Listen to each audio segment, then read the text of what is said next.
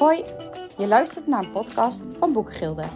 Tijdens deze afleveringen, dat audio-opnames zijn van een live webinar, gaan we in gesprek met self-publishers over het uitgeven van een boek. Goedemiddag allemaal.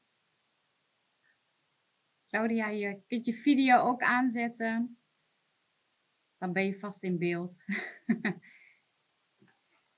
Welkom allemaal in dit, uh, in dit webinar. Ik zal eerst even het woord nemen en dan zal ik uh, mijn co-presentator uh, Claudia even aan jullie voorstellen. Um, welkom allemaal. Het is 12 uur en dat betekent dat wij van start gaan met dit webinar. Tijdens dit webinar ga ik Claudia Stinne interviewen.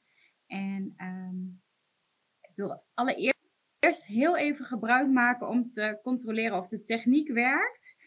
Uh, Claudia, kun jij eens hallo zeggen? Hallo.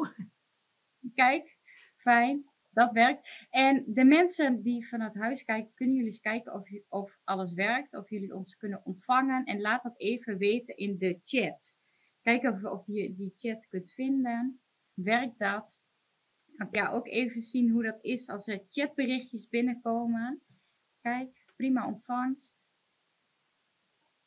Fijn. Komt wel eens voor dat um, tijdens het webinar dat het een beetje gaat haperen. Ververs dan de URL eventjes en dan kom je gewoon opnieuw uh, weer in het webinar. Um, dus, um, en anders niet getreurd, mocht er iets gebeuren in de middag, iedereen de terugkijkvideo van het webinar. Dus je kunt altijd uh, terugluisteren. Tevens wordt er van dit webinar ook een podcast gemaakt. Dus uh, voldoende uh, mogelijkheden om later terug te luisteren. Um, goed om te weten is dat we vanuit kijkersvragen een heleboel ingestuurd gekregen. Uh, maar jullie mogen ook nog vragen stellen in de chat. Claudia gaat een boek verloten, zoals ze straks vast nog wel wat meer over vertellen. Um, dus stel ook gerust je vragen. Um, vooraf om vragen in te sturen, dat doen we niet voor niks.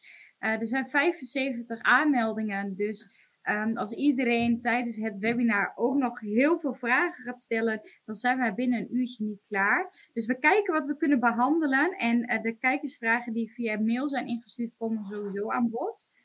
Um, ik zal mezelf even voorstellen. Mijn naam is Ellen Rikking. Ik ben werkzaam bij Boekengilde.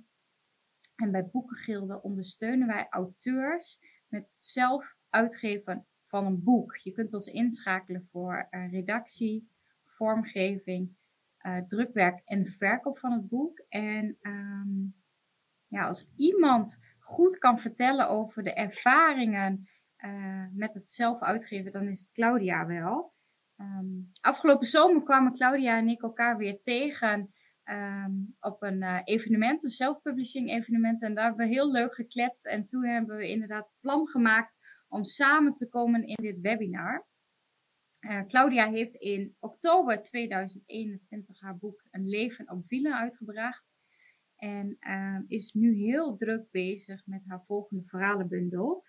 Um, Claudia, fijn dat jij wil aansluiten in dit webinar. En zou jij jezelf kort willen voorstellen en ook iets willen vertellen over uh, ja, bijna jouw twee boeken? Ja, natuurlijk wil ik dat, anders was ik hier niet. Ja, um, ja ik denk dan altijd, oh help, waar moet ik beginnen? Maar ik zeg altijd, mhm. ik ben coach en auteur of auteur en coach, net wat je wil. En in welke hoedanigheid je me maar treft. Dus vandaag ben ik auteur en coach, denk ik maar zo. Um, daarnaast werk ik ook nog op de OK als operatieassistent. Uh, dus dat is best wel een vol pakket. En dat is ook altijd een beetje jong leren van wat doe je wanneer en hoe hou je al die ballen hoog. Maar nou ja, tot nu toe lukt dat aardig goed. en uh, met succes hè, in het kader van uh, de twee boeken. Um, ik ben eigenlijk heel lang bezig geweest met het schrijven van boek 1. Dat was een enorme klus en daar komen we nog wel dieper op in straks. En toen dacht ik daarna van nou, nu wil ik wat luchtigers. En nu wil ik ook gewoon iets waar ik niet bakken vol met research voor moet doen. En zo uh, is die verhalenbundel geboren, waar ik uh, gisteren de proefdruk van heb mogen ontvangen. Zal ik hem meteen maar laten zien? Ja, leuk. Ja. naast me liggen. Uh, we hebben dat even zo een beetje bekeken. Zo kunnen jullie hem zien. En dan is dit dus de cover reveal. Oeh. Reizend dit jaar door. En er staan vier novelles in eigenlijk. Gewoon lekker luchtige, feel good. Voor een vrije zondagmiddag zeg ik altijd. Want uh, dat zijn allemaal ongeveer 80 pagina's. Dus dat valt nog wel eens even te lezen op een momentje waar je er tijd voor hebt. Eigenlijk vier boeken in één. Ja, vier boeken in één. Ja, leuk. Hey, en kun je ook iets vertellen over een leven op wielen? Want ik denk dat... Ja, uh, zal ik die ook meteen maar even laten zien dan? hebben we dat gehad. Ja. Uh, dit is de hardcover versie. Even zoeken, zo. Een leven op wielen. Die heeft dus een prijs, of tenminste, zat in de prijzen. En ik heb daar een limited edition van gemaakt met sprayed edges. En die heb ik in uh, regenboogkleur en in de, nou ja, de kofferkleur, zeg maar. Um, en wat ik daarover kan vertellen in het kort is eigenlijk dat verhaal is bij mij gegroeid in het kader van wat als je nou zomaar ineens niet meer kan wat je met heel veel passie doet. Hè? Hoe ziet je leven er dan uit als je het van de een op de andere dag helemaal anders moet doen? Uh, en dat heeft heel lang gerijpt. Dat heeft allerlei versies gehad. En daar heb ik dus pak een beetje 15 jaar over gedaan. Uh, het serieuze schrijven. Ik zal eerlijk zeggen, daarvoor zaten ook nog brainstorm momenten. Maar vanaf het moment dat ik dacht, oké, hier moet ik research voor doen. En dat ga ik echt uh, groots aanpakken. ben ik wel 15 jaar bezig geweest. En het kwam onder andere omdat ik er gewoon altijd naast werkte. En altijd nou, nog studies heb gedaan en mijn huis verbouwd. Weet je wel, het was altijd mijn bijproject. Mm um, en ik heb natuurlijk heel veel dingen fout gedaan, die nu met boek 2 niet meer opnieuw fout hoefden, want daar heb ik van geleerd. Ja. Uh, en ik had natuurlijk uh, de, de wegen allemaal uitgevonden, de juiste ondersteuning. Dus vandaar uh, dat er zoveel tijdsverschil zit tussen 1 en 2. Ja. en, en maar kun je ons ook vertellen waar het boek nou echt over gaat? -huh. Het gaat over drie jongens die een auto-ongeluk krijgen. en eigenlijk hoe ze dan hun leven weer oppakken in de twee jaar daarna. een van hen gaat dood. En een van hen loopt een dwarslesie op. En um, nou ja, die heeft natuurlijk heel veel om te verwerken. En die krijgt een heel revalidatieproces en een heel mentaal verwerkingsproces. Um, voor eigenlijk hem en, die, en zijn naaste. Dus mm -hmm. bijvoorbeeld ook de vriendin van de jongen die doodgaat. Zijn beste vriend, broertje. Dus ik heb gekozen voor zes personages die je langzaam zo door het verhaal heen trekken. Um, omdat iedereen zijn eigen point of view heeft. En ik dus die point of view karakters ook allemaal nodig had. Um, om, om dat verhaal als een rond plaatje te kunnen vertellen. Want ja, je kunt denken, oh, een dwarslezing krijgen is heel erg voor de betrokkenen, maar ook voor zijn naasten. Dus dat wilde ik ook in beeld brengen. Kijk, wat goed. En dat komt, uh, daar kom ik eigenlijk ook direct al bij, bij een kijkersvraag die ik eigenlijk wel heel mooi hierop vind inhaken. -huh. uh, want uh, hoe heb jij dan onderzoek naar die, naar die onderwerpen slash gebeurtenissen gedaan? En ja. Ehm, die, die gevoelens karakters daarbij gekoppeld? Want dat is best wel moeilijk. Ook, hè, je zegt, ik heb zes personages. Ja, ja. Nou ja, weet je, voor personages begin je natuurlijk met, altijd met je in te beelden, hoe zou ik daarmee omgaan? Mm -hmm. um, en later heb ik geprobeerd om dat wat uit elkaar te trekken, om niet zes dezelfde mensen aan het woord te laten. Maar hè, de een heeft zijn eigen zorgen, de ander heeft zijn eigen zorgen. En dus kijken ze er op verschillende manieren tegenaan.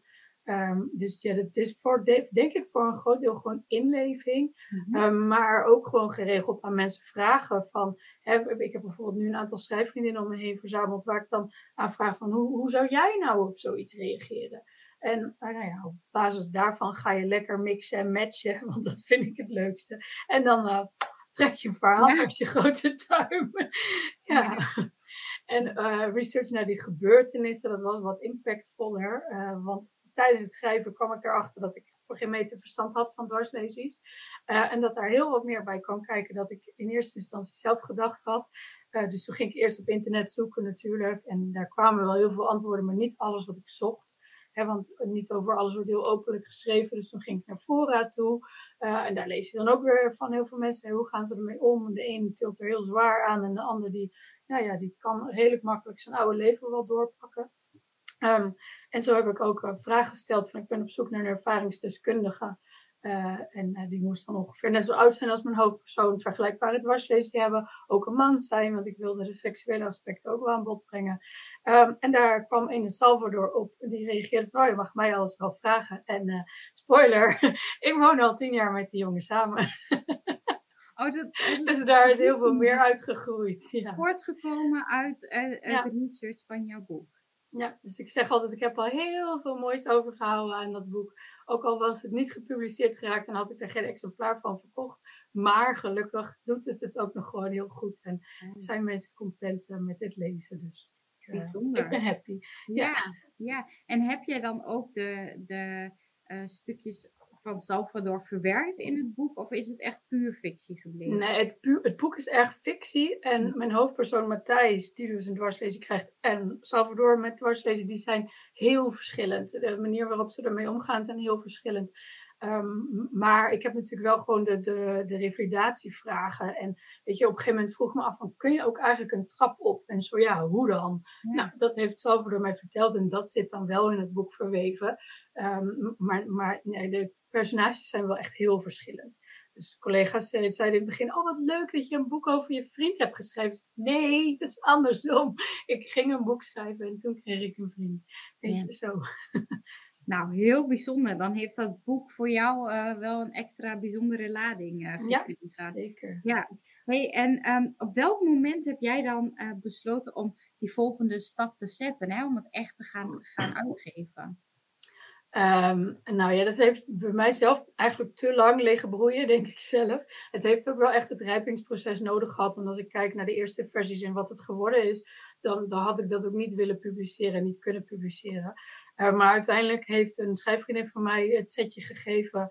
We raakten met elkaar in gesprek en zij vroeg eigenlijk of ik met haar manuscript wilde meelezen. En toen zei ik, maar wil je die van mij dan ook lezen? Ja, dat was prima. Dus ik stuurde de eerste 80 pagina's of zoiets op. Zo'n beetje van, nou, hè, heb je een ideetje? En diezelfde middag kreeg ik een mailtje, mag ik de rest ook? Toen dacht ik, oh, dat is best een, uh, uh, weet je, een, goed teken. Ja. Dus, nou, en zij heeft uiteindelijk gewoon lopen pushen totdat ik er wat mee ben gaan doen. Anders stond het misschien nu nog wel op mijn computer.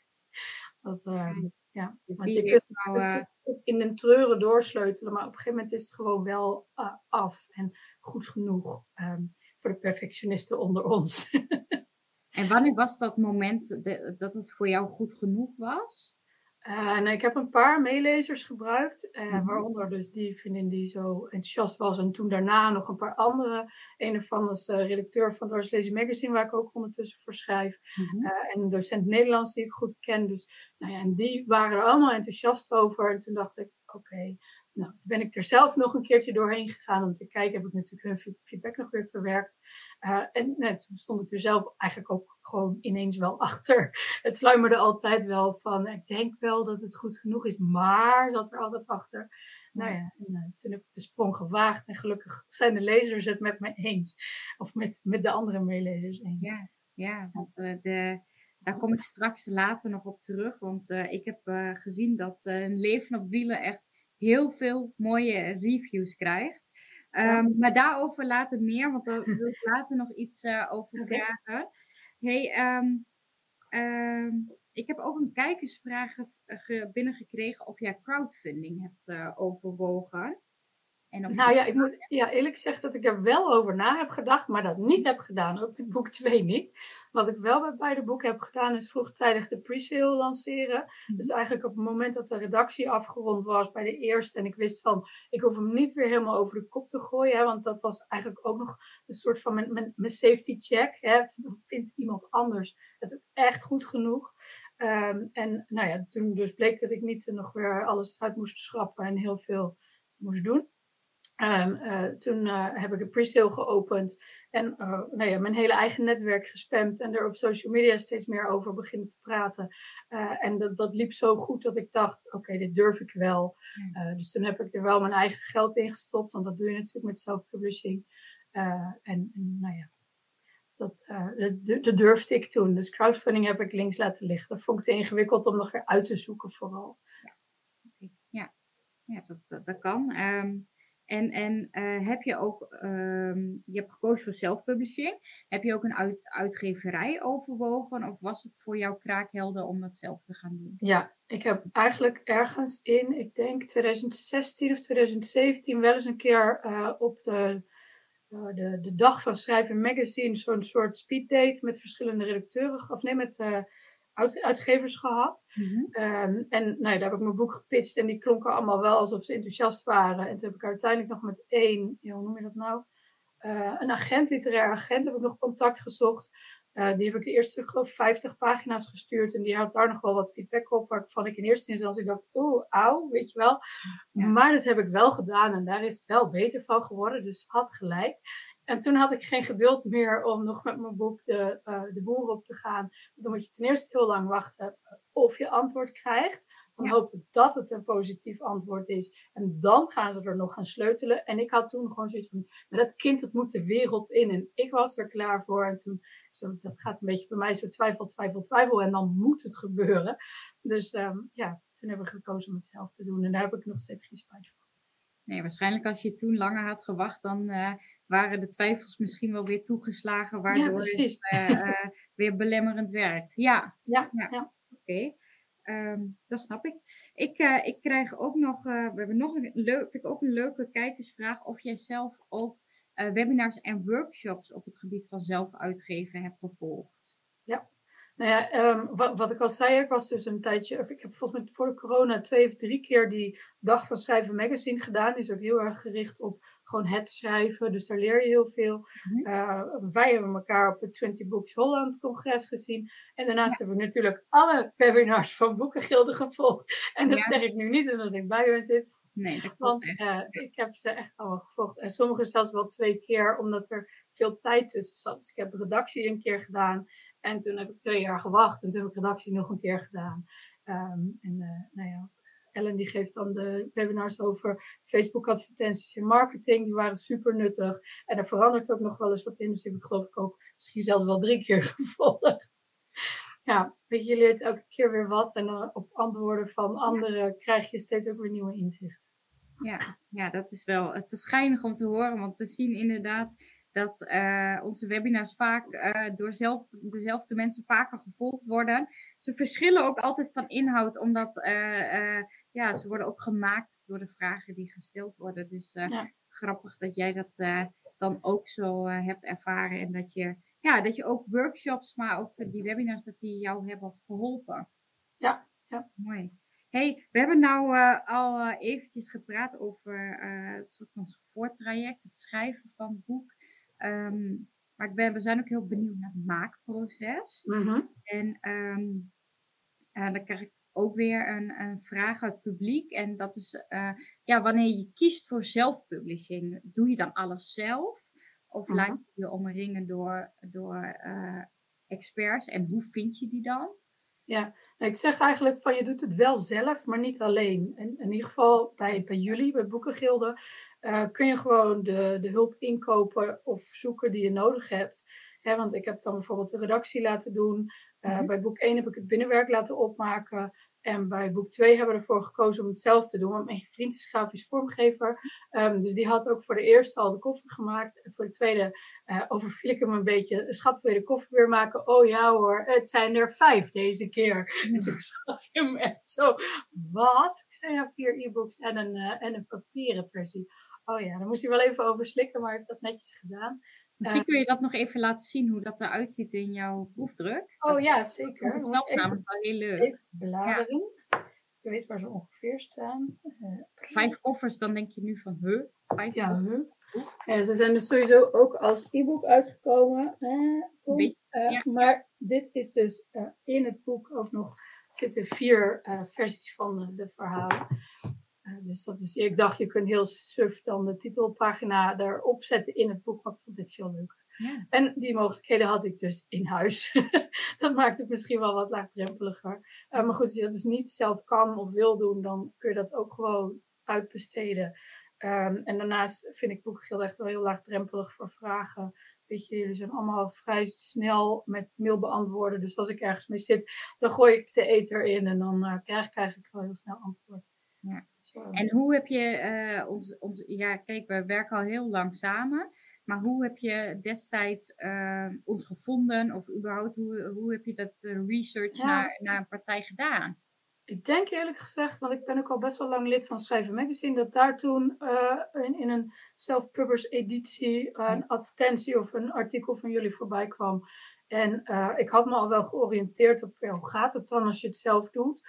En dan kwam je toen nog op allerlei uh, diensten waar, waar je gewoon zeg maar, je manuscript inlevert en, en dan moet je alles zelf doen. En dat vond ik echt best wel spannend. nou, dan kwam ik er ook achter dat die webinars er waren. Dus daar ben ik zo'n beetje langzaam ingerold. En kreeg ik ook steeds meer vertrouwen van, oh ja, maar als ik dat wil doen, dan, dan, dan kan ik dat wel. Dus dat was toch gewoon vertrouwendgevend. Is dat een woord? Bij deze, Bij de... ja. ja, oh, ja.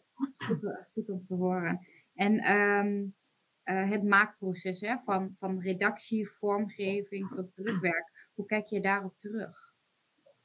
Um, de eerste keer vond ik het best wel spannend en kostte het ook allemaal veel meer tijd dan ik gedacht had. Want ik dacht gewoon, nou, manuscript af, redactie, klaar. Mm nou, toen moest dus nog wat binnenwerk opgemaakt worden. En dan krijg je eerst een, uh, een, een proef op je computer om te checken. En dan de printproef, dus de drukproef die ik net laat zien. Uh, en, en nou ja, dan moet je dan ook nog weer van alles aan doen. En dan pas is het er eigenlijk allemaal. En daar heb ik me toen wel een beetje in verslikt qua hoeveel werk dat nog was. Want ik dacht van, van nou ja, weet je, ik heb het geschreven, zo klaar. Uh, maar ja, dat was toch iets intensiever. En achteraf gezien is dat heel logisch. Maar ja, dat wist ik niet. Dus daar kwam ik proefondervinding rijk uh, achter. En nu de tweede keer wist ik dat wel. Dus nu heb ik het gewoon allemaal netjes ingepland en er de tijd voor genomen. Dat, uh, ja. ja, dat is. Uh, nou, je gaat natuurlijk zelf iets ondernemen. En, uh, en je bent natuurlijk zelf ook kritisch naar jezelf toe. Tenminste, kan me voorstellen. Ja. Dat jij dat ook wel uh, dat ja, bent. En dat is, dat is ook goed. Henk Joosten zegt trouwens nog dat vertrouwen, gevend, zijn twee prima woorden. Dus Dankjewel, Joost. Dank je, Henk. fijn. Hey, en, en dan dat moment hè, dat je jouw boek, hè, het is klaar, je hebt uh, bloed, zweet en tranen erin zitten en dan krijg je dat in handen. Hoe is dat? Ik heb er uh, bij de eerste unboxing echt een videootje van gemaakt met een mhm. statief op mijn hoofd. En um, toen heb ik me nog voor de video een beetje groot zitten houden, zeg maar. Maar ik moest echt wel huilen in het kader van, oh, mijn boek, weet je wel. Ik heb echt een kwartier zitten aaien, ook toen de video uit was. Dat was echt wel uh, een moment, zo die eerste doos openmaken en... Uh, Oh, dat, uh, ja. Dus uh, als je geïnteresseerd bent, staat op mijn YouTube. Vijf minuutjes, geloof ik. Dat, uh, ja. Het was echt wel, ik beschrijf het wel eens als, want ik heb dus hier de hardcover versie, maar dus ook een paperback als het ware van mijn boekentweeling. Uh, en zo voelde het ook echt wel. Ik was ineens moeder en ik had mijn kind vast, weet je. Dat, uh, ja, ik werd er heel gelukkig van dat het gewoon... Ja, dan is het echt op dat moment. Ja. Dat, uh, ja. Ik vind het ook heel geinig om te horen dat wij... Um, dat steeds meer auteurs echt hun, hun, hun, boeken als hun kindjes beschouwen. Dat is echt ja. heel geinig. Ja, leuk. En... Um, nou, laten we verder gaan naar die, die, die verkoop- en marketingfase. Hè. Dat is voor heel veel auteurs een uh, pittige fase. Um, heb jij daarin in tips en, en ben je daar tevreden over als je terugkijkt? Ja, ik ben er heel tevreden over. Want eigenlijk in eerste instantie, ik had dus na de pre-sale het idee van misschien is dit het wel, hè? komt er nooit meer iets achteraan. Mm -hmm. ik had toen gekozen om een uh, boeken naar Biblion te doen, naar de bibliotheken, zeg maar. Nou, er kwam een prachtige bestelling achteraan, dat ik echt dacht, wauw, heel veel bibliotheken gaan mijn boek fysiek neerleggen. Hoe mooi is dat? Um, nou ja, en verder natuurlijk, uh, ik heb het ten eerste via in de pre naar mijn eigen netwerk geslingerd. Ik weet niet of het AVG technisch mag, maar iedereen die ooit een WhatsAppje van mij heeft gekregen of naar mij heeft gestuurd, die kreeg een berichtje, hoi, mijn boek komt uit. Uh, en nou ja, daar krijg je dan wat, um, wat directe verkopen uit, maar ook mensen die later denken, oh ja, Claudia die had een boek. Um, en nu later ben ik ook begonnen met een maillijst opbouwen en, en krijg je via legale wijze, zeg maar, mensen die geïnteresseerd zijn. Um, en verder heb ik heel erg op social lopen spammen, echt voor mijn gevoel. elke stap die er maar te delen was, die, uh, ik moet eerlijk zeggen dat ik dat nu ietsje minder goed doe misschien, want ja, ja druk. Maar uh, gewoon, um, de redactie is gedaan, uh, de proefdruk is binnen, alles wat er maar te delen valt, gewoon alvast ja, meegeven op social. Omdat mensen die je volgen het leuk vinden om dat proces zo mee te maken. Um, en, er, en er telkens maar weer iets van noemen en het voorbij laten komen, zorgt gewoon dat het onder de aandacht blijft en dus dat je meer uh, verkoopt. Mm En daarnaast had ik ook een um, blogtour gedaan bij de, uh, bij, zeg maar, rondom de, uh, nou, hoe noemen we dat, een boekpresentatie. Ja. Zodat je meteen al wat recensies online hebt. Kun je een beetje uitleggen hoe dat werkt? Ik ja, op Instagram heb je uh, hashtag Bookstagram. Als je die volgt, dan bestaat je hele tijdlijn alleen nog maar uit boeken. Ik hou ervan. Um, ga ik gewoon een beetje kijken. Wie heeft er leuke accounts? Wie deelt er leuke recensies? en wie leest er dan ook in mijn genre? Hè? Want dat is natuurlijk wel belangrijk. Um, en zo heb ik een, een beetje selectie gemaakt van mensen die mij interessant leken. doe ik nu voor boek 2 weer. En had ik uh, tien dagen waarin er dan dus bij iedereen op een ander account voorbij komt. Uh, ik heb een leven op wielen gelezen en ik gaf het vijf sterren. Of ik heb een leven op wielen gelezen en nee, bla bla bla. Um, en dat, zij deelden dan dus ook op bijvoorbeeld Hebban en Goodreads hun recensies. Uh, en op social. waardoor het best wel breed onder de aandacht komt. Stuur je al die tien mensen dan een fysiek boek toe? Of wordt dat boek nee. doorgestuurd? Of ik heb ervoor gekozen om de pdf van het binnenwerk, van het opgemaakte binnenwerk te sturen. En nu van mijn tweede boek, uh, die vier verhalen, die staan als uh, e-book op Kobo. Dus dan nodig ik ze uit van, wil je hem via Kobo lezen? En als dat niet kan, dan stuur ik hem als pdfje of e-pub toe.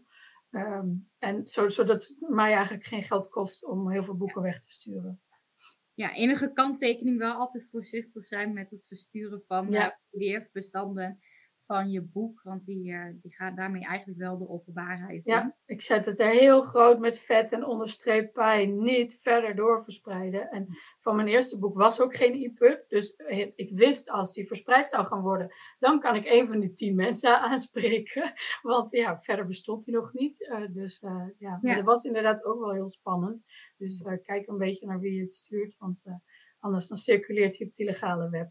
Ja. Dat wil je inderdaad niet. Hey, we krijgen ook een leuke vraag binnen van Jeppe. En uh die vraagt: um, welke ervaringen vind jij echt noodzakelijk die je als self-publisher moet doen? Dus uh, redactie, ghostwriter, uh, leesgroepen. Wat, wat vind jij echt noodzakelijk? Nou, zonder redactie kan je echt niet, vind ik. En het kost wel een smak geld. Um, maar dat is het ook dubbel en dwars waard. Want je ziet gewoon je eigen fouten niet meer. Weet je, je zit zo diep in die tekst. Je bent er helemaal mee verweven. Dat, mm, ja, dat, dat, kun je niet zelf. Ook al ben je echt uh, laude geslaagd in Nederlands. Dan, dan word je gewoon woordblind voor je eigen tekst. Um, en daarnaast kijkt iemand anders er toch altijd weer wat objectiever tegenaan. En die kan veel makkelijker zeggen: joh, dit personage is helemaal niet nodig. Deze scène is veel te lang. In korte. Dat, dat heb je gewoon. Uh, en ik doe dat dan dus in fases. Dus het gaat eerst naar meelezers en dan nog naar de redactie. Ehm, ja, en die meelezers die heb je gevonden in je eigen netwerk? Ja, ja eigenlijk gewoon een beetje bezig te zijn met schrijven op social. Uh, maar in de COVID-tijd waren er ook leuke digitale schrijfclubjes. Uh, zodoende ben ik allerlei mensen tegengekomen. Ik ben in uh, afgelopen juni ook met een groep op schrijfweek geweest. En dat was in dit geval vooral om meters te maken, want dan kan je lekker doorpakken. Ja. Um, en nou ja, zo zo doe ik dat. Ja, ja en uh, ghostwriter, ik zou zeggen, als je weet van jezelf, ik heb een heel mooi verhaal, maar ik krijg het zelf niet goed genoeg op papier, je gaat dan op zoek naar een ghostwriter. Um, ja. Nou, jij kunt uh, hartstikke goed schrijven, dus... Uh... Ze mogen zich melden. ja. Oh, ja. Kijk, oproepje. Hey, ja. en Wil vraagt, hoe bepaal je dan de oplagen die je gaat bestellen? Die laat... Um, ja, ik had, ik weet niet meer, ik denk aan op grond van de webinars en wat onderzoek en zo gehoord dat een gemiddelde self-cover ongeveer 500 boeken verkoopt. En er zijn dus excess naar boven en naar beneden. En toen dacht ik, ik denk dat ik dat durf. Maar ja, toen heb ik dus die pre-sale inge, uh, ingestart. En daar kwamen al uh, ruim 100 bestellingen uit. En toen wist ik het zeker dat ik dat durfde. Dus mijn eerste oplage was uh, eh, 500 en daarna is de tweede druk er ook nog gekomen van 500. Die 500 heb je ook allemaal daadwerkelijk uh, verkocht. Ja, ja, er zijn nog zelfs ook al een boel uit de tweede druk weg. Nee. Ja. Fantastisch. En, uh, want jij hebt de, de hardcover variant heb je pas later gemaakt, toch? Nee, nee, ik had, uh, want we maakten dus een eigen webshop. Hè? In het kader van mijn vriend's vormgever gingen we ook zelf een webshop maken. Ja. En toen zei mijn vriend, je kunt niet een webshop maken met maar één product erin. Ja. Dus die stelde voor, anders maak je ook een hardcover. En toen had ik bedacht, nou weet je, vrienden en bekenden, die hebben er vast wel iets meer voor over. Dus toen heb ik bepaald van nou, 150 hardcovers en de rest paperback. Ehm, en van die hardcovers hield ik er ongeveer 30 over die gewoon, dus dat geen loop meer in. Dus uh, vandaar dat ik met die sprayed edges ben gekomen, omdat dat best wel populair is tegenwoordig, vooral onder jongeren. Uh, en nou ja, nu lopen ze wel weer heel leuk. dus ja, zo ja, een beetje ontdekken. Zien dat uh, tegenwoordig inderdaad bij heel veel jong adult boeken, dat, dat um, ja, wij noemen het in Nederland noemen het ook wel kleur op snee. Ja. Dat, dat, uh, dat dat toch wel heel populair is. Ja, en, mensen zetten ze tegenwoordig zo in de kast, hè? dus niet met de rug naar voren, maar met. Uh, ja. ja, Ger die vraagt nog spread edges. Nou, dat is dus oh. dat de zijkant van het papier eigenlijk. Uh, Ik zal het even zo ja, breed is. Ja. En um, ik, even kijken of ik dat in beeld krijg. Als je hem dan dus open doet, dan is het gewoon wit. Ja. Deze kraakt nog, deze was nog niet open geweest. Een hele, hele bijzondere, maar ja, echt een, een, een techniek die sinds, uh, ja, echt sinds een half jaar, een jaar echt heel populair uh, aan het worden is. Ja. Um, Bo vraagt nog op welke exemplaren uh, verkoop jij je boek? Welke plekken? Uh, nou, ik heb een Leven op Wielen aangeboden bij het Centraal Boekhuis. Dus die is een soort van overal te koop. En op mijn eigen website. En dus via Boekgilde. Um, en daarnaast heb ik, toen hij net uit was, een week vrijgepland. En ben ik ook een conciliatierondje gaan doen. Dus heb ik eigenlijk alle boekwinkels zo om mij heen. Dus in de plaatsen en dorpen om me heen waar een boekwinkel is. Ben ik gewoon naartoe gegaan met een stapeltje van... Oh, ik heb een boek geschreven, mag die hier liggen? Weet je wel? En dan betalen ze hem dus niet met conciliatie. Dan leg je er gewoon ik veel, drie of vier exemplaren neer. En als zij hem verkopen, krijg je een berichtje en dan wordt dat verrekend, waarbij de boekverkoper dan ook weer een percentage houdt voor het beschikbaar stellen van de ruimte in de winkel. Ja. En uh, daar heb ik ook veel doorverkocht. Ja, goed om te horen. Ja. En, en ook uh, natuurlijk leuk om dat op te pakken bij lokale, lokale uh, boekhandelaren. Want ja. ja. je bent dan toch uh, iemand uit de omgeving die zelf een boek heeft gepubliceerd. Ja, ik merkte inderdaad dat dat, ja. dat doorslaggevende factor was van, woon je hier dan in de buurt? Oh ja, nou dan mocht het wel. Um, maar het was toen ook nog covid-tijd en hij was natuurlijk in oktober uitgekomen. Dus in het begin ben ik echt zo hier omheen geweest en toen later dacht ik van, dan breid ik het uit. Ja, toen ging de hele wereld weer in lockdown en met de kerst en de uh, agenda's en zo liggen de boekwinkels ook sowieso heel vol. Dus toen merkte ik van, als ik verder van huis ga, dan, dan loopt het gewoon niet zo hard. En nee, toen heb ik het gelaten ook vanwege de lockdowns. En daarna was hij alweer zo oud voor mijn gevoel. En hebben ze er wat minder binding mee. Ja. Maar um, ja. Ja, oké. Okay. Hey, en um, nou, ik zat dus van de week eventjes uh, op bol.com te kijken naar Leven op Wielen. En um, ik zie dat het daar vijf sterren heeft. En uh, 22 reviews. En dat, uh -huh. is, mhm. ja, dat is gewoon echt super. En ik was eigenlijk benieuwd, heb jij dan ook een actieve rol gehad in het verzamelen van die reviews? Want hè, hoe meer reviews en hoe meer sterren, hoe beter vindbaar. Dus ja. ik ben wel benieuwd naar hoe heb je, hoe heb je dat zo aangepakt? Ja.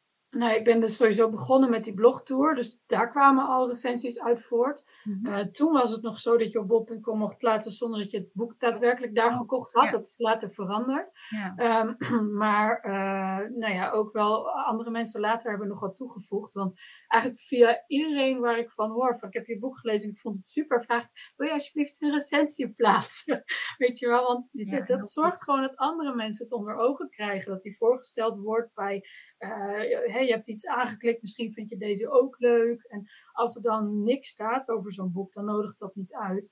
Uh, en ik heb nu later zelfs gemaakt als mensen mijn nieuwsbrief lezen. Zo van, um, vind je het moeilijk? Wil je best wel iets delen over dat boek, maar uh, kun je dat zelf niet zo goed? Heb ik een Google Form formuliertje gemaakt met wat punten waar mensen gewoon antwoord op kunnen geven. Dan maak ik er een verhaaltje van. Dat mail ik aan ze en dan kunnen zij dat weer online plaatsen. Daar is geloof ik twee keer gebruik van gemaakt.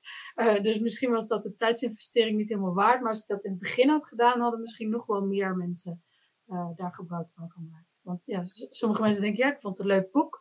Maar wat zeg ik er nou precies over? En dan geef je ze een beetje voorzetjes en dan weten ze het ineens wel. Dus, uh... okay. En het is ook waardevolle feedback natuurlijk voor ja, jezelf. Zeker. Ja. ja.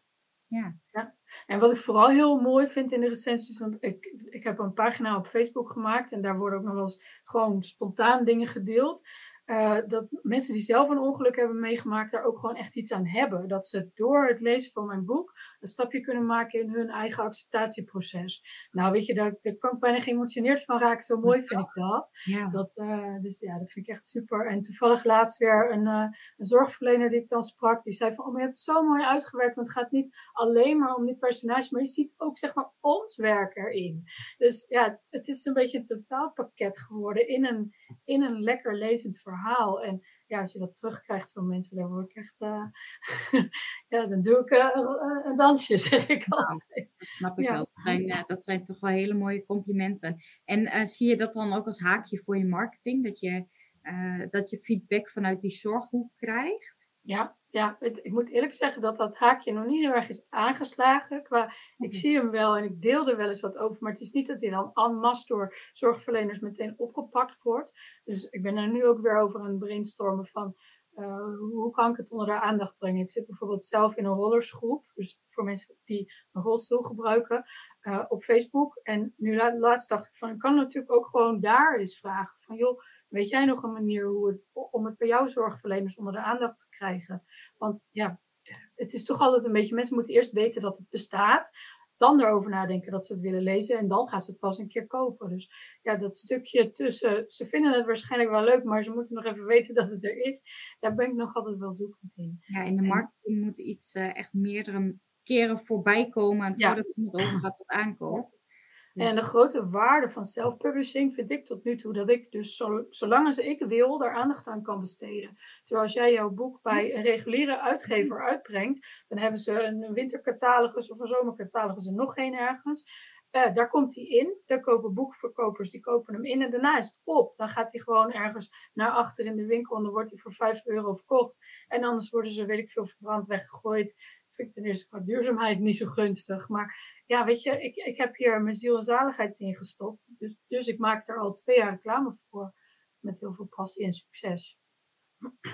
Vind ik heel, heel mooie invalshoek ook. Uh, ja, um, mooi, mooi, mooi gesproken. Hey, en um, hoe heb jij de verkoopaandacht vastgehouden van jouw potentiële klanten? Dat is ook nog een kijkersvraag. Uh, ja, nou ja, dus door er regelmatig over te spammen op social, in nieuwsbrieven, uh, gewoon erover praten. Want ook bij de sportclub, ik had gewoon een paar boeken in mijn auto liggen. En als er bij de sportclub was, dan was er één iemand die had gezegd: Oh, ik heb je boek gelezen, het was zo mooi. En dan zei iemand anders: Heb jij een boek geschreven? En dan zei ik: Ja hoor, ik heb er wel één in de kofferbak. Wil je hem hebben? Nou, en dan uh, tik je de deur uit, hoppa, geregeld. Dus ja, zo. Dus gewoon erover praten. Um, en ik wil nog wat zeggen.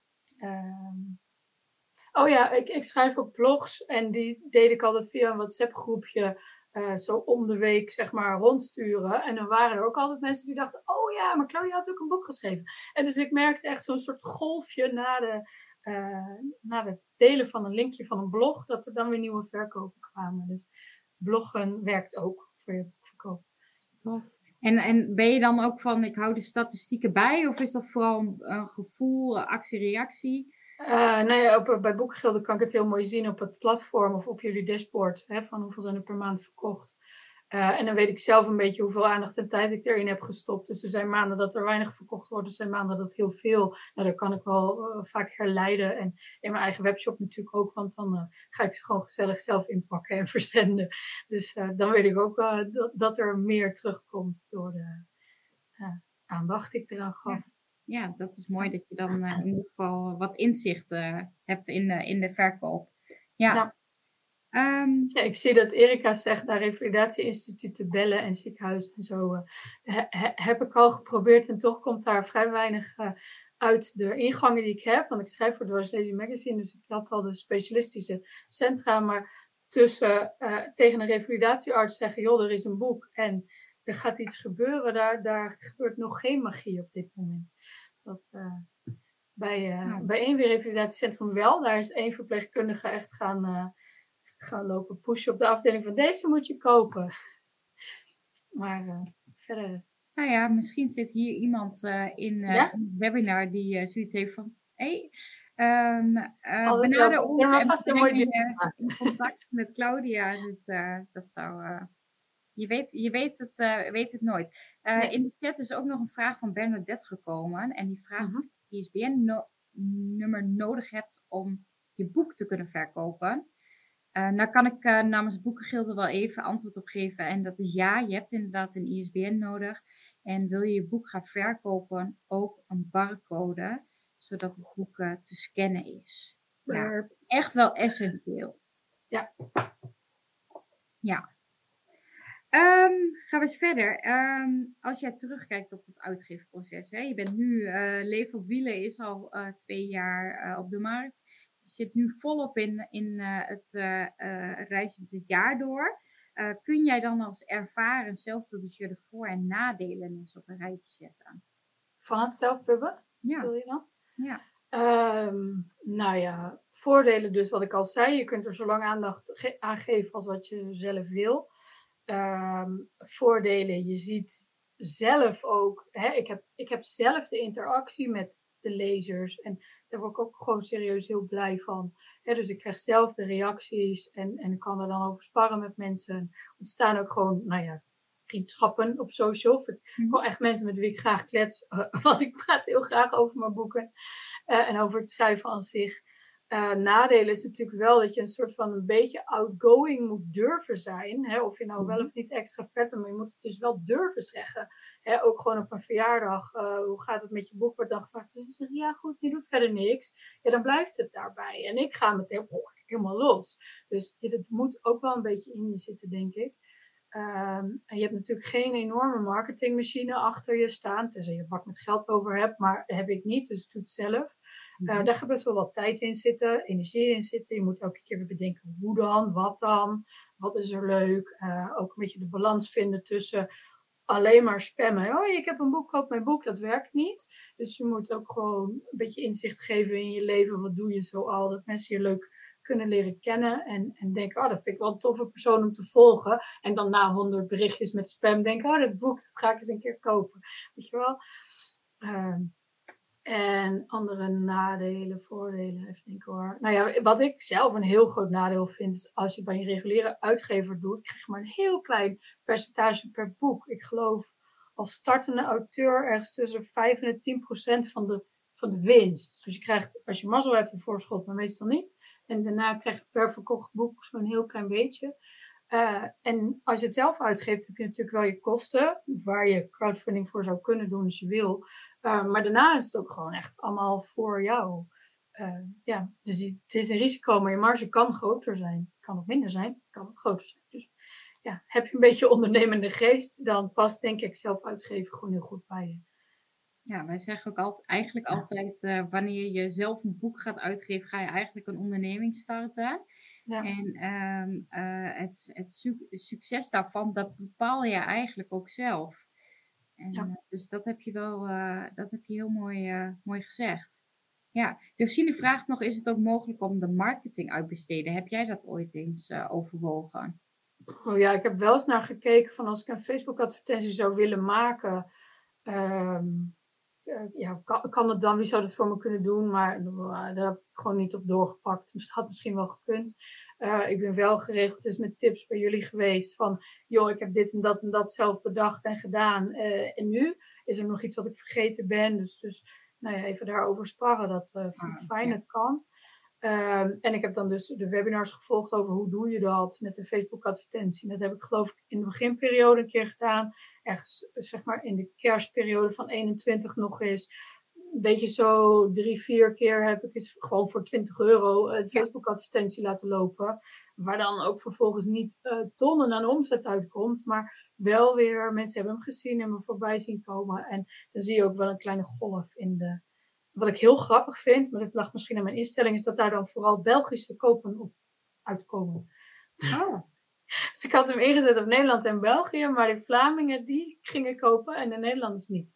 Weinig. En heb je daar verklaring voor? Of, uh, nee. Het ligt misschien aan mijn taalgebruik of aan de, net die mensen het nog niet gezien hadden en de Nederlanders allemaal al wel, weet ik niet. Maar dat, uh, terwijl ik dit zeg, denk ik, oh ja, ik moet voor reizend dit jaar door ook nog maar weer even iets gaan in vliegen. Ja, ja. ja. Ja, snap ik. Hey, we krijgen, uh, Josine geeft ook nog aan, ik dacht dat mijn vragen privé uh, waren. Josine, dat zijn ze ook. Wij zien ze wel verschijnen, maar het is uh, in principe een privé chat. um, Dus ehm, wees niet bang. Moet je je ook inschrijven bij de Kamer van Koophandel? Heb jij dat gedaan? Uh, nou ja, ik was al ingeschreven met mijn coachbedrijf. Mhm. En daar heb ik uh, streepje Claudia Schrijft achter gehangen. Uh, in het kader van daar kan ik alles mee doen wat ik er maar weer mee wil doen. Dus ik heb één zakelijke bankrekening en daar gaan zowel de kosten en baten van mijn coaching als de kosten en baten van het, van het schrijven. Nou ja, die, die, die, die, spelen zich daar af. Dus ik hou het wel gescheiden van mijn privé, maar dat hoeft zeker niet. Weet je, je kunt het gewoon als neveninkomsten zien. En daar zit een drempel aan voor de belasting, geloof ik, wanneer je het wel of niet moet opgeven. Ja, ik dacht dat die drempel rond de 10.000 euro. Uh, oh, nou, dat weet ik nog niet, geloof ik. dit, voor heel veel zelfpublicering is dat in eerste instantie inderdaad niet aan de orde. Nee. Klopt, ja. Heb je een boekpresentatie gehouden? Ja, nou ja, voor die eerste heb ik gewoon echt een feestje gegeven. In het kader van, ik ben hier mijn halve leven aan het sleutelen geweest. Uh, en nu is het af. Dus toen heb ik bij een restaurant hier in het dorp echt, de bedoeling was in het, in het zaaltje aan de zijkant, maar toen was het prachtig weer. Dus we hebben het op het terras gedaan. En toen heb ik me laten aankondigen door een schrijfcoach, die even een verhaaltje heeft verteld over mij en het schrijven. Uh, heb zelf een paar dingen voorgelezen. Ik zou het toen in de COVID-tijd nog in drie groepjes doen. Dus ik had drie keer voorgelezen. Maar uiteindelijk, omdat het buiten was, bleef iedereen gezellig hangen. En weet je, ik heb daar echt ruim in uitgepakt met ook muntjes voor wat drinken en drie keer borrelhapjes. Uh, nu voor boek 2 ga ik het zeker weten niet op die manier doen. Voor iedere bekende die nu luistert, sorry. uh, en ik ben nog een beetje aan het bedenken van hoe dan wel. Want het is natuurlijk ook weer de feestdagenperiode. Dus ik kan me voorstellen dat het in boekenwinkels heel druk is. Maar ik heb nu wel met echt een, een aantal boekenwinkels hele leuke contacten opgebouwd. Uh, dus ja, ik wil volgende week even gaan navragen her en der. Van, stel dat ik iets zou willen doen, wanneer kan dat dan en waar kan dat dan en hoe pakken we dat dan aan? Uh, maar dan wordt het dus wat meer de reguliere, iemand vertelt iets, ik laat heel trots het boek zien, ik lees wat voor en dan is het klaar. En dan signeren natuurlijk. Hopelijk heel veel verkopen.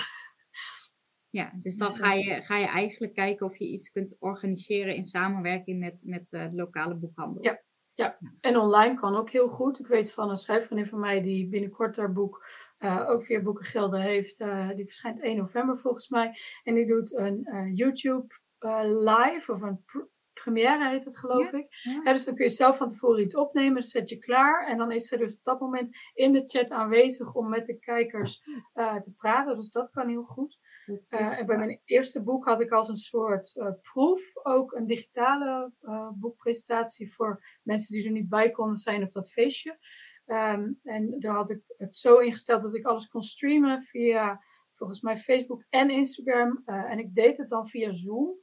Uh, alleen dat was de fameuze avond waar WhatsApp, Facebook en Instagram eruit lagen. Dus uiteindelijk had ik geloof ik vijf mensen live in mijn Zoom die al de link hadden gekregen via allerlei kanalen. En de rest kon ik gewoon niet bereiken. Dus dat viel toen een beetje weg. Ja, ja. risico van de techniek uh, zullen we ja, zeggen. Ja, dus we waren er geloof ik anderhalve dag mee bezig om alles uit te zoeken. Hoe werkt het helemaal klaar te zetten. Alles piekfijn in orde. En toen ging het niet. Dus daarom doe ik het nu gewoon weer live. vind ik fijner. Ja. ja. nou ja, uh, tot nu toe, wij zijn bijna drie kwartier verder en wij uh, ja. zijn nog gewoon uh, Laten we het niet ja. Ja. Hey, um, um, ik heb nog een laatste vraag aan jou. En dan, um, dan gaan we even kijken of er in de chat nog wat, wat vragen mm -hmm. komen. moet je van tevoren nou alles weten als je als self-publisher aan de slag gaat? Ik ben van het type, ga het gewoon doen en kijk hoe je, waar je tegenaan loopt en los het op terwijl het aan de gang is. Maar ik kan me voorstellen dat het voor sommige mensen gewoon veel te veel stress oplevert. Mhm. Eh, dus ja, doe wat er bij je past. Als jij alles van tevoren wil uitkomen, dan kan dat. Maar ik denk dat het heel veel tijd kost en dat je dan meer informatie vergaart dan je werkelijk nodig hebt. En ik zou zeggen, er, zijn, er is zoveel kennis beschikbaar. Uh, of dat nou bij Boekengilde is of online. Dat je go with the flow en Doe het gewoon.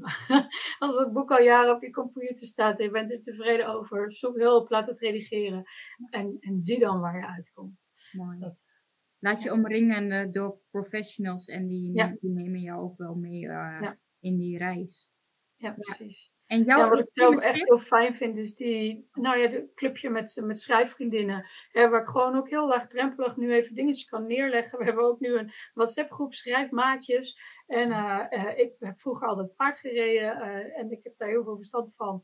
Uh, nu is er iemand die schrijft historisch en er gebeurt van alles met paarden. Dus er komt dan regelmatig, hoe heet dit en dat onderdeel? en krijg ik zo'n tekening met een pijltje. Nou, dan geven we elkaar dan even antwoord op. Natuurlijk kan je dat opzoeken, maar ik geef er dan vaak ook weer wat extra info achteraan. En zo heb ik gewoon heel veel aan elkaar. Want voor Reizend het jaar door uh, het zit ook een, lange fietsvakantie. En daar, ik heb zelf die route met de auto gedaan. Dus hoe de omgeving eruit zag, wist ik wel. Maar fietsen, ja, van hier naar de supermarkt en dus een keer een stukje verder. Maar niet uh, eh, 50 kilometer met, met bepakking, zeg maar. En dat was dan toevallig in mijn schrijfclubje iemand die dat wel doet op vakantie. Dus nou, dan kun je heel makkelijk vragen van, maar hoe voelt dat dan? Hè? In het kader van, hoe leef je in in je personage? Nou, vraag het aan iemand die het al eens gedaan heeft. En dan...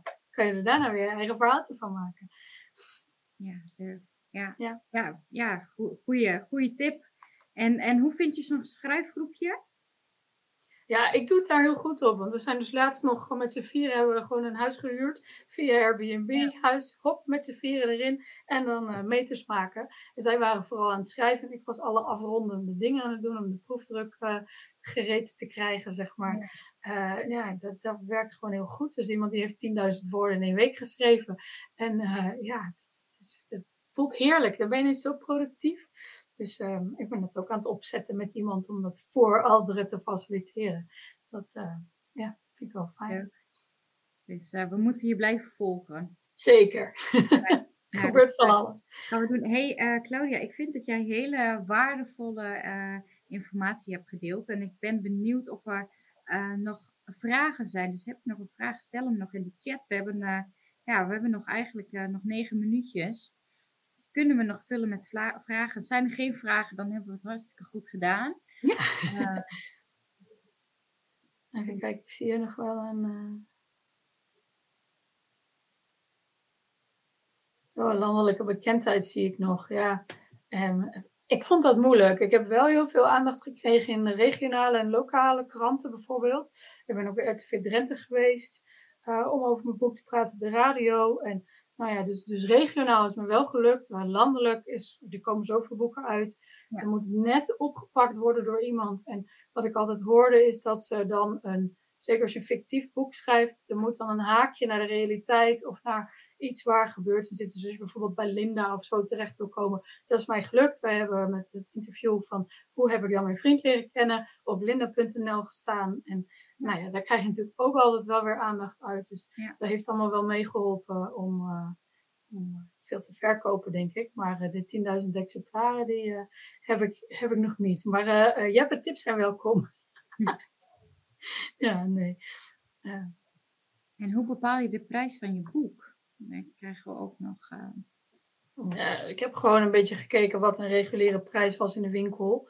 Uh, en uh, nou ja, weet je, als je naar alle kosten kijkt, als je de redactie erbij rekent en dan je eerste druk, ja, dat, dan ga je dat er denk ik niet uithalen. Zeker niet als je zo'n dikke pil maakt. Um, maar ja, je hoopt dan, er komen meerdere drukken en dan verspreid je de dingen die je geïnvesteerd hebt weer en die krijg je dan later terug. Um, ja, je kunt wel 40 euro per boek maken, maar ik denk niet dat je er dan heel veel verkoopt. Dus um, ik weet niet of jij daar een andere tip over hebt. Ja, wat wat wij eigenlijk altijd uh, adviseren is om de, um, de eenmalige kosten, dus hè, dat zijn de kosten die je, die hebt voor redactie en voor vormgeving, om die eigenlijk niet mee te nemen in, uh, in de berekening van de kostprijs, want die heb je bij een herdruk, heb je die niet meer. dus op, op een gegeven moment ga je break-even draaien en dan ga je winst maken. Ja. Um, dus, dus ga vooral kijken naar wat zijn dan de drukkosten per exemplaar. Wat zijn de marges die ik moet afdragen voor de verkoop. En uh, baseer daar je verkoopprijs op.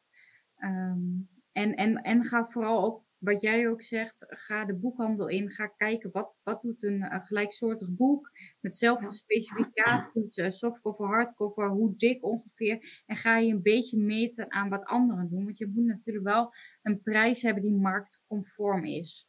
Ja, um, dus, dus dat is eigenlijk wat wij altijd aanraden. ja, ik kom je daar niet zo goed uit, ehm, dan mag je altijd met ons daarover sparren. Ehm, dus dus, dus daar, daar, daar kunnen wij ehm, ja, iedereen in, in adviseren. Maar dit is, ja, bij een herdruk heb je, heb je gewoon die kosten qua vormgeving en redactie, die vallen weg. Ja, precies. Ja. ja, ik was heel content toen ik de tweede druk had. Van, oh, dit valt echt heel erg mee, weet je wel. Ja. Ja. ja. ja. Ik zag nog iemand die zei van, uh, schrijven is de hemel, marketing is de hel. Ja, ik snap dat wel een beetje. Dat, uh, je, moet er, je moet er veel aan doen. Het is niet dat je het één keer zegt en dat dan honderd mensen het in één keer kopen. Dat, uh, maar ja, ik, ik vind het zelf ook wel leuk. Het, is, uh, kost dat meer, nee, eigenlijk niet meer tijd, want je hebt natuurlijk ook heel veel tijd in het schrijven gestopt. Maar weet je, ik vind het gewoon de moeite waard om uh, mijn boek de wereld in te brengen. Want zoveel mensen hebben het al gelezen en zijn er heel blij mee en hebben gewoon fijne leeservaring gehad. Dat gun ik meer mensen. Dat, uh, ja, dus ik praat er graag over. Ja, mooi. Nou ja, als, als het je eigen passie is en, en jij kunt dat uh, overbrengen naar jouw doelgroep, dan ben je natuurlijk al ook een heel eind in de marketing. En probeer die marketingfase ook te beschouwen als iets, iets leuks. en tuurlijk kost dat tijd, maar het schrijven van het boek heeft ook heel veel tijd gekost. Dus ja. dat, is, ehm, dat is zeker waar. Ja. Goed, um, ik denk dat we het gaan afronden, Claudia. Ja. Um, binnen de tijd. binnen de tijd, dat hebben we heel goed, goed gedaan. Toch? Ja. Uh, nou ja, in de chat komen al bedankt. Komt al, dank, dank. Graag gedaan, ik vond het superleuk. Kijk, ik ook denk dat jij hele waardevolle input hebt gedeeld. En ik wil je heel veel succes wensen met die laatste stapjes in uh, Reis dit jaar door. En, um, dat gaat ongetwijfeld iets heel moois worden. Ja. Dank voor jouw deel. Zal, zal ik nog even zo mijn boek, weet je wel. nou, ik wil jullie thuis ook allemaal hartelijk bedanken voor deelname. En uh, blijf je toch nog met een vraag zetten, stuur die gerust in naar info.boekengilde.nl. En uh, alle eer aan Claudia. Nogmaals, uh, dank voor jouw deelname. Bedankt voor het luisteren naar deze podcast. Droom jij er nou ook van je eigen boek uit te geven? Neem dan een kijkje op www.boekengilde.nl. Tot de volgende keer!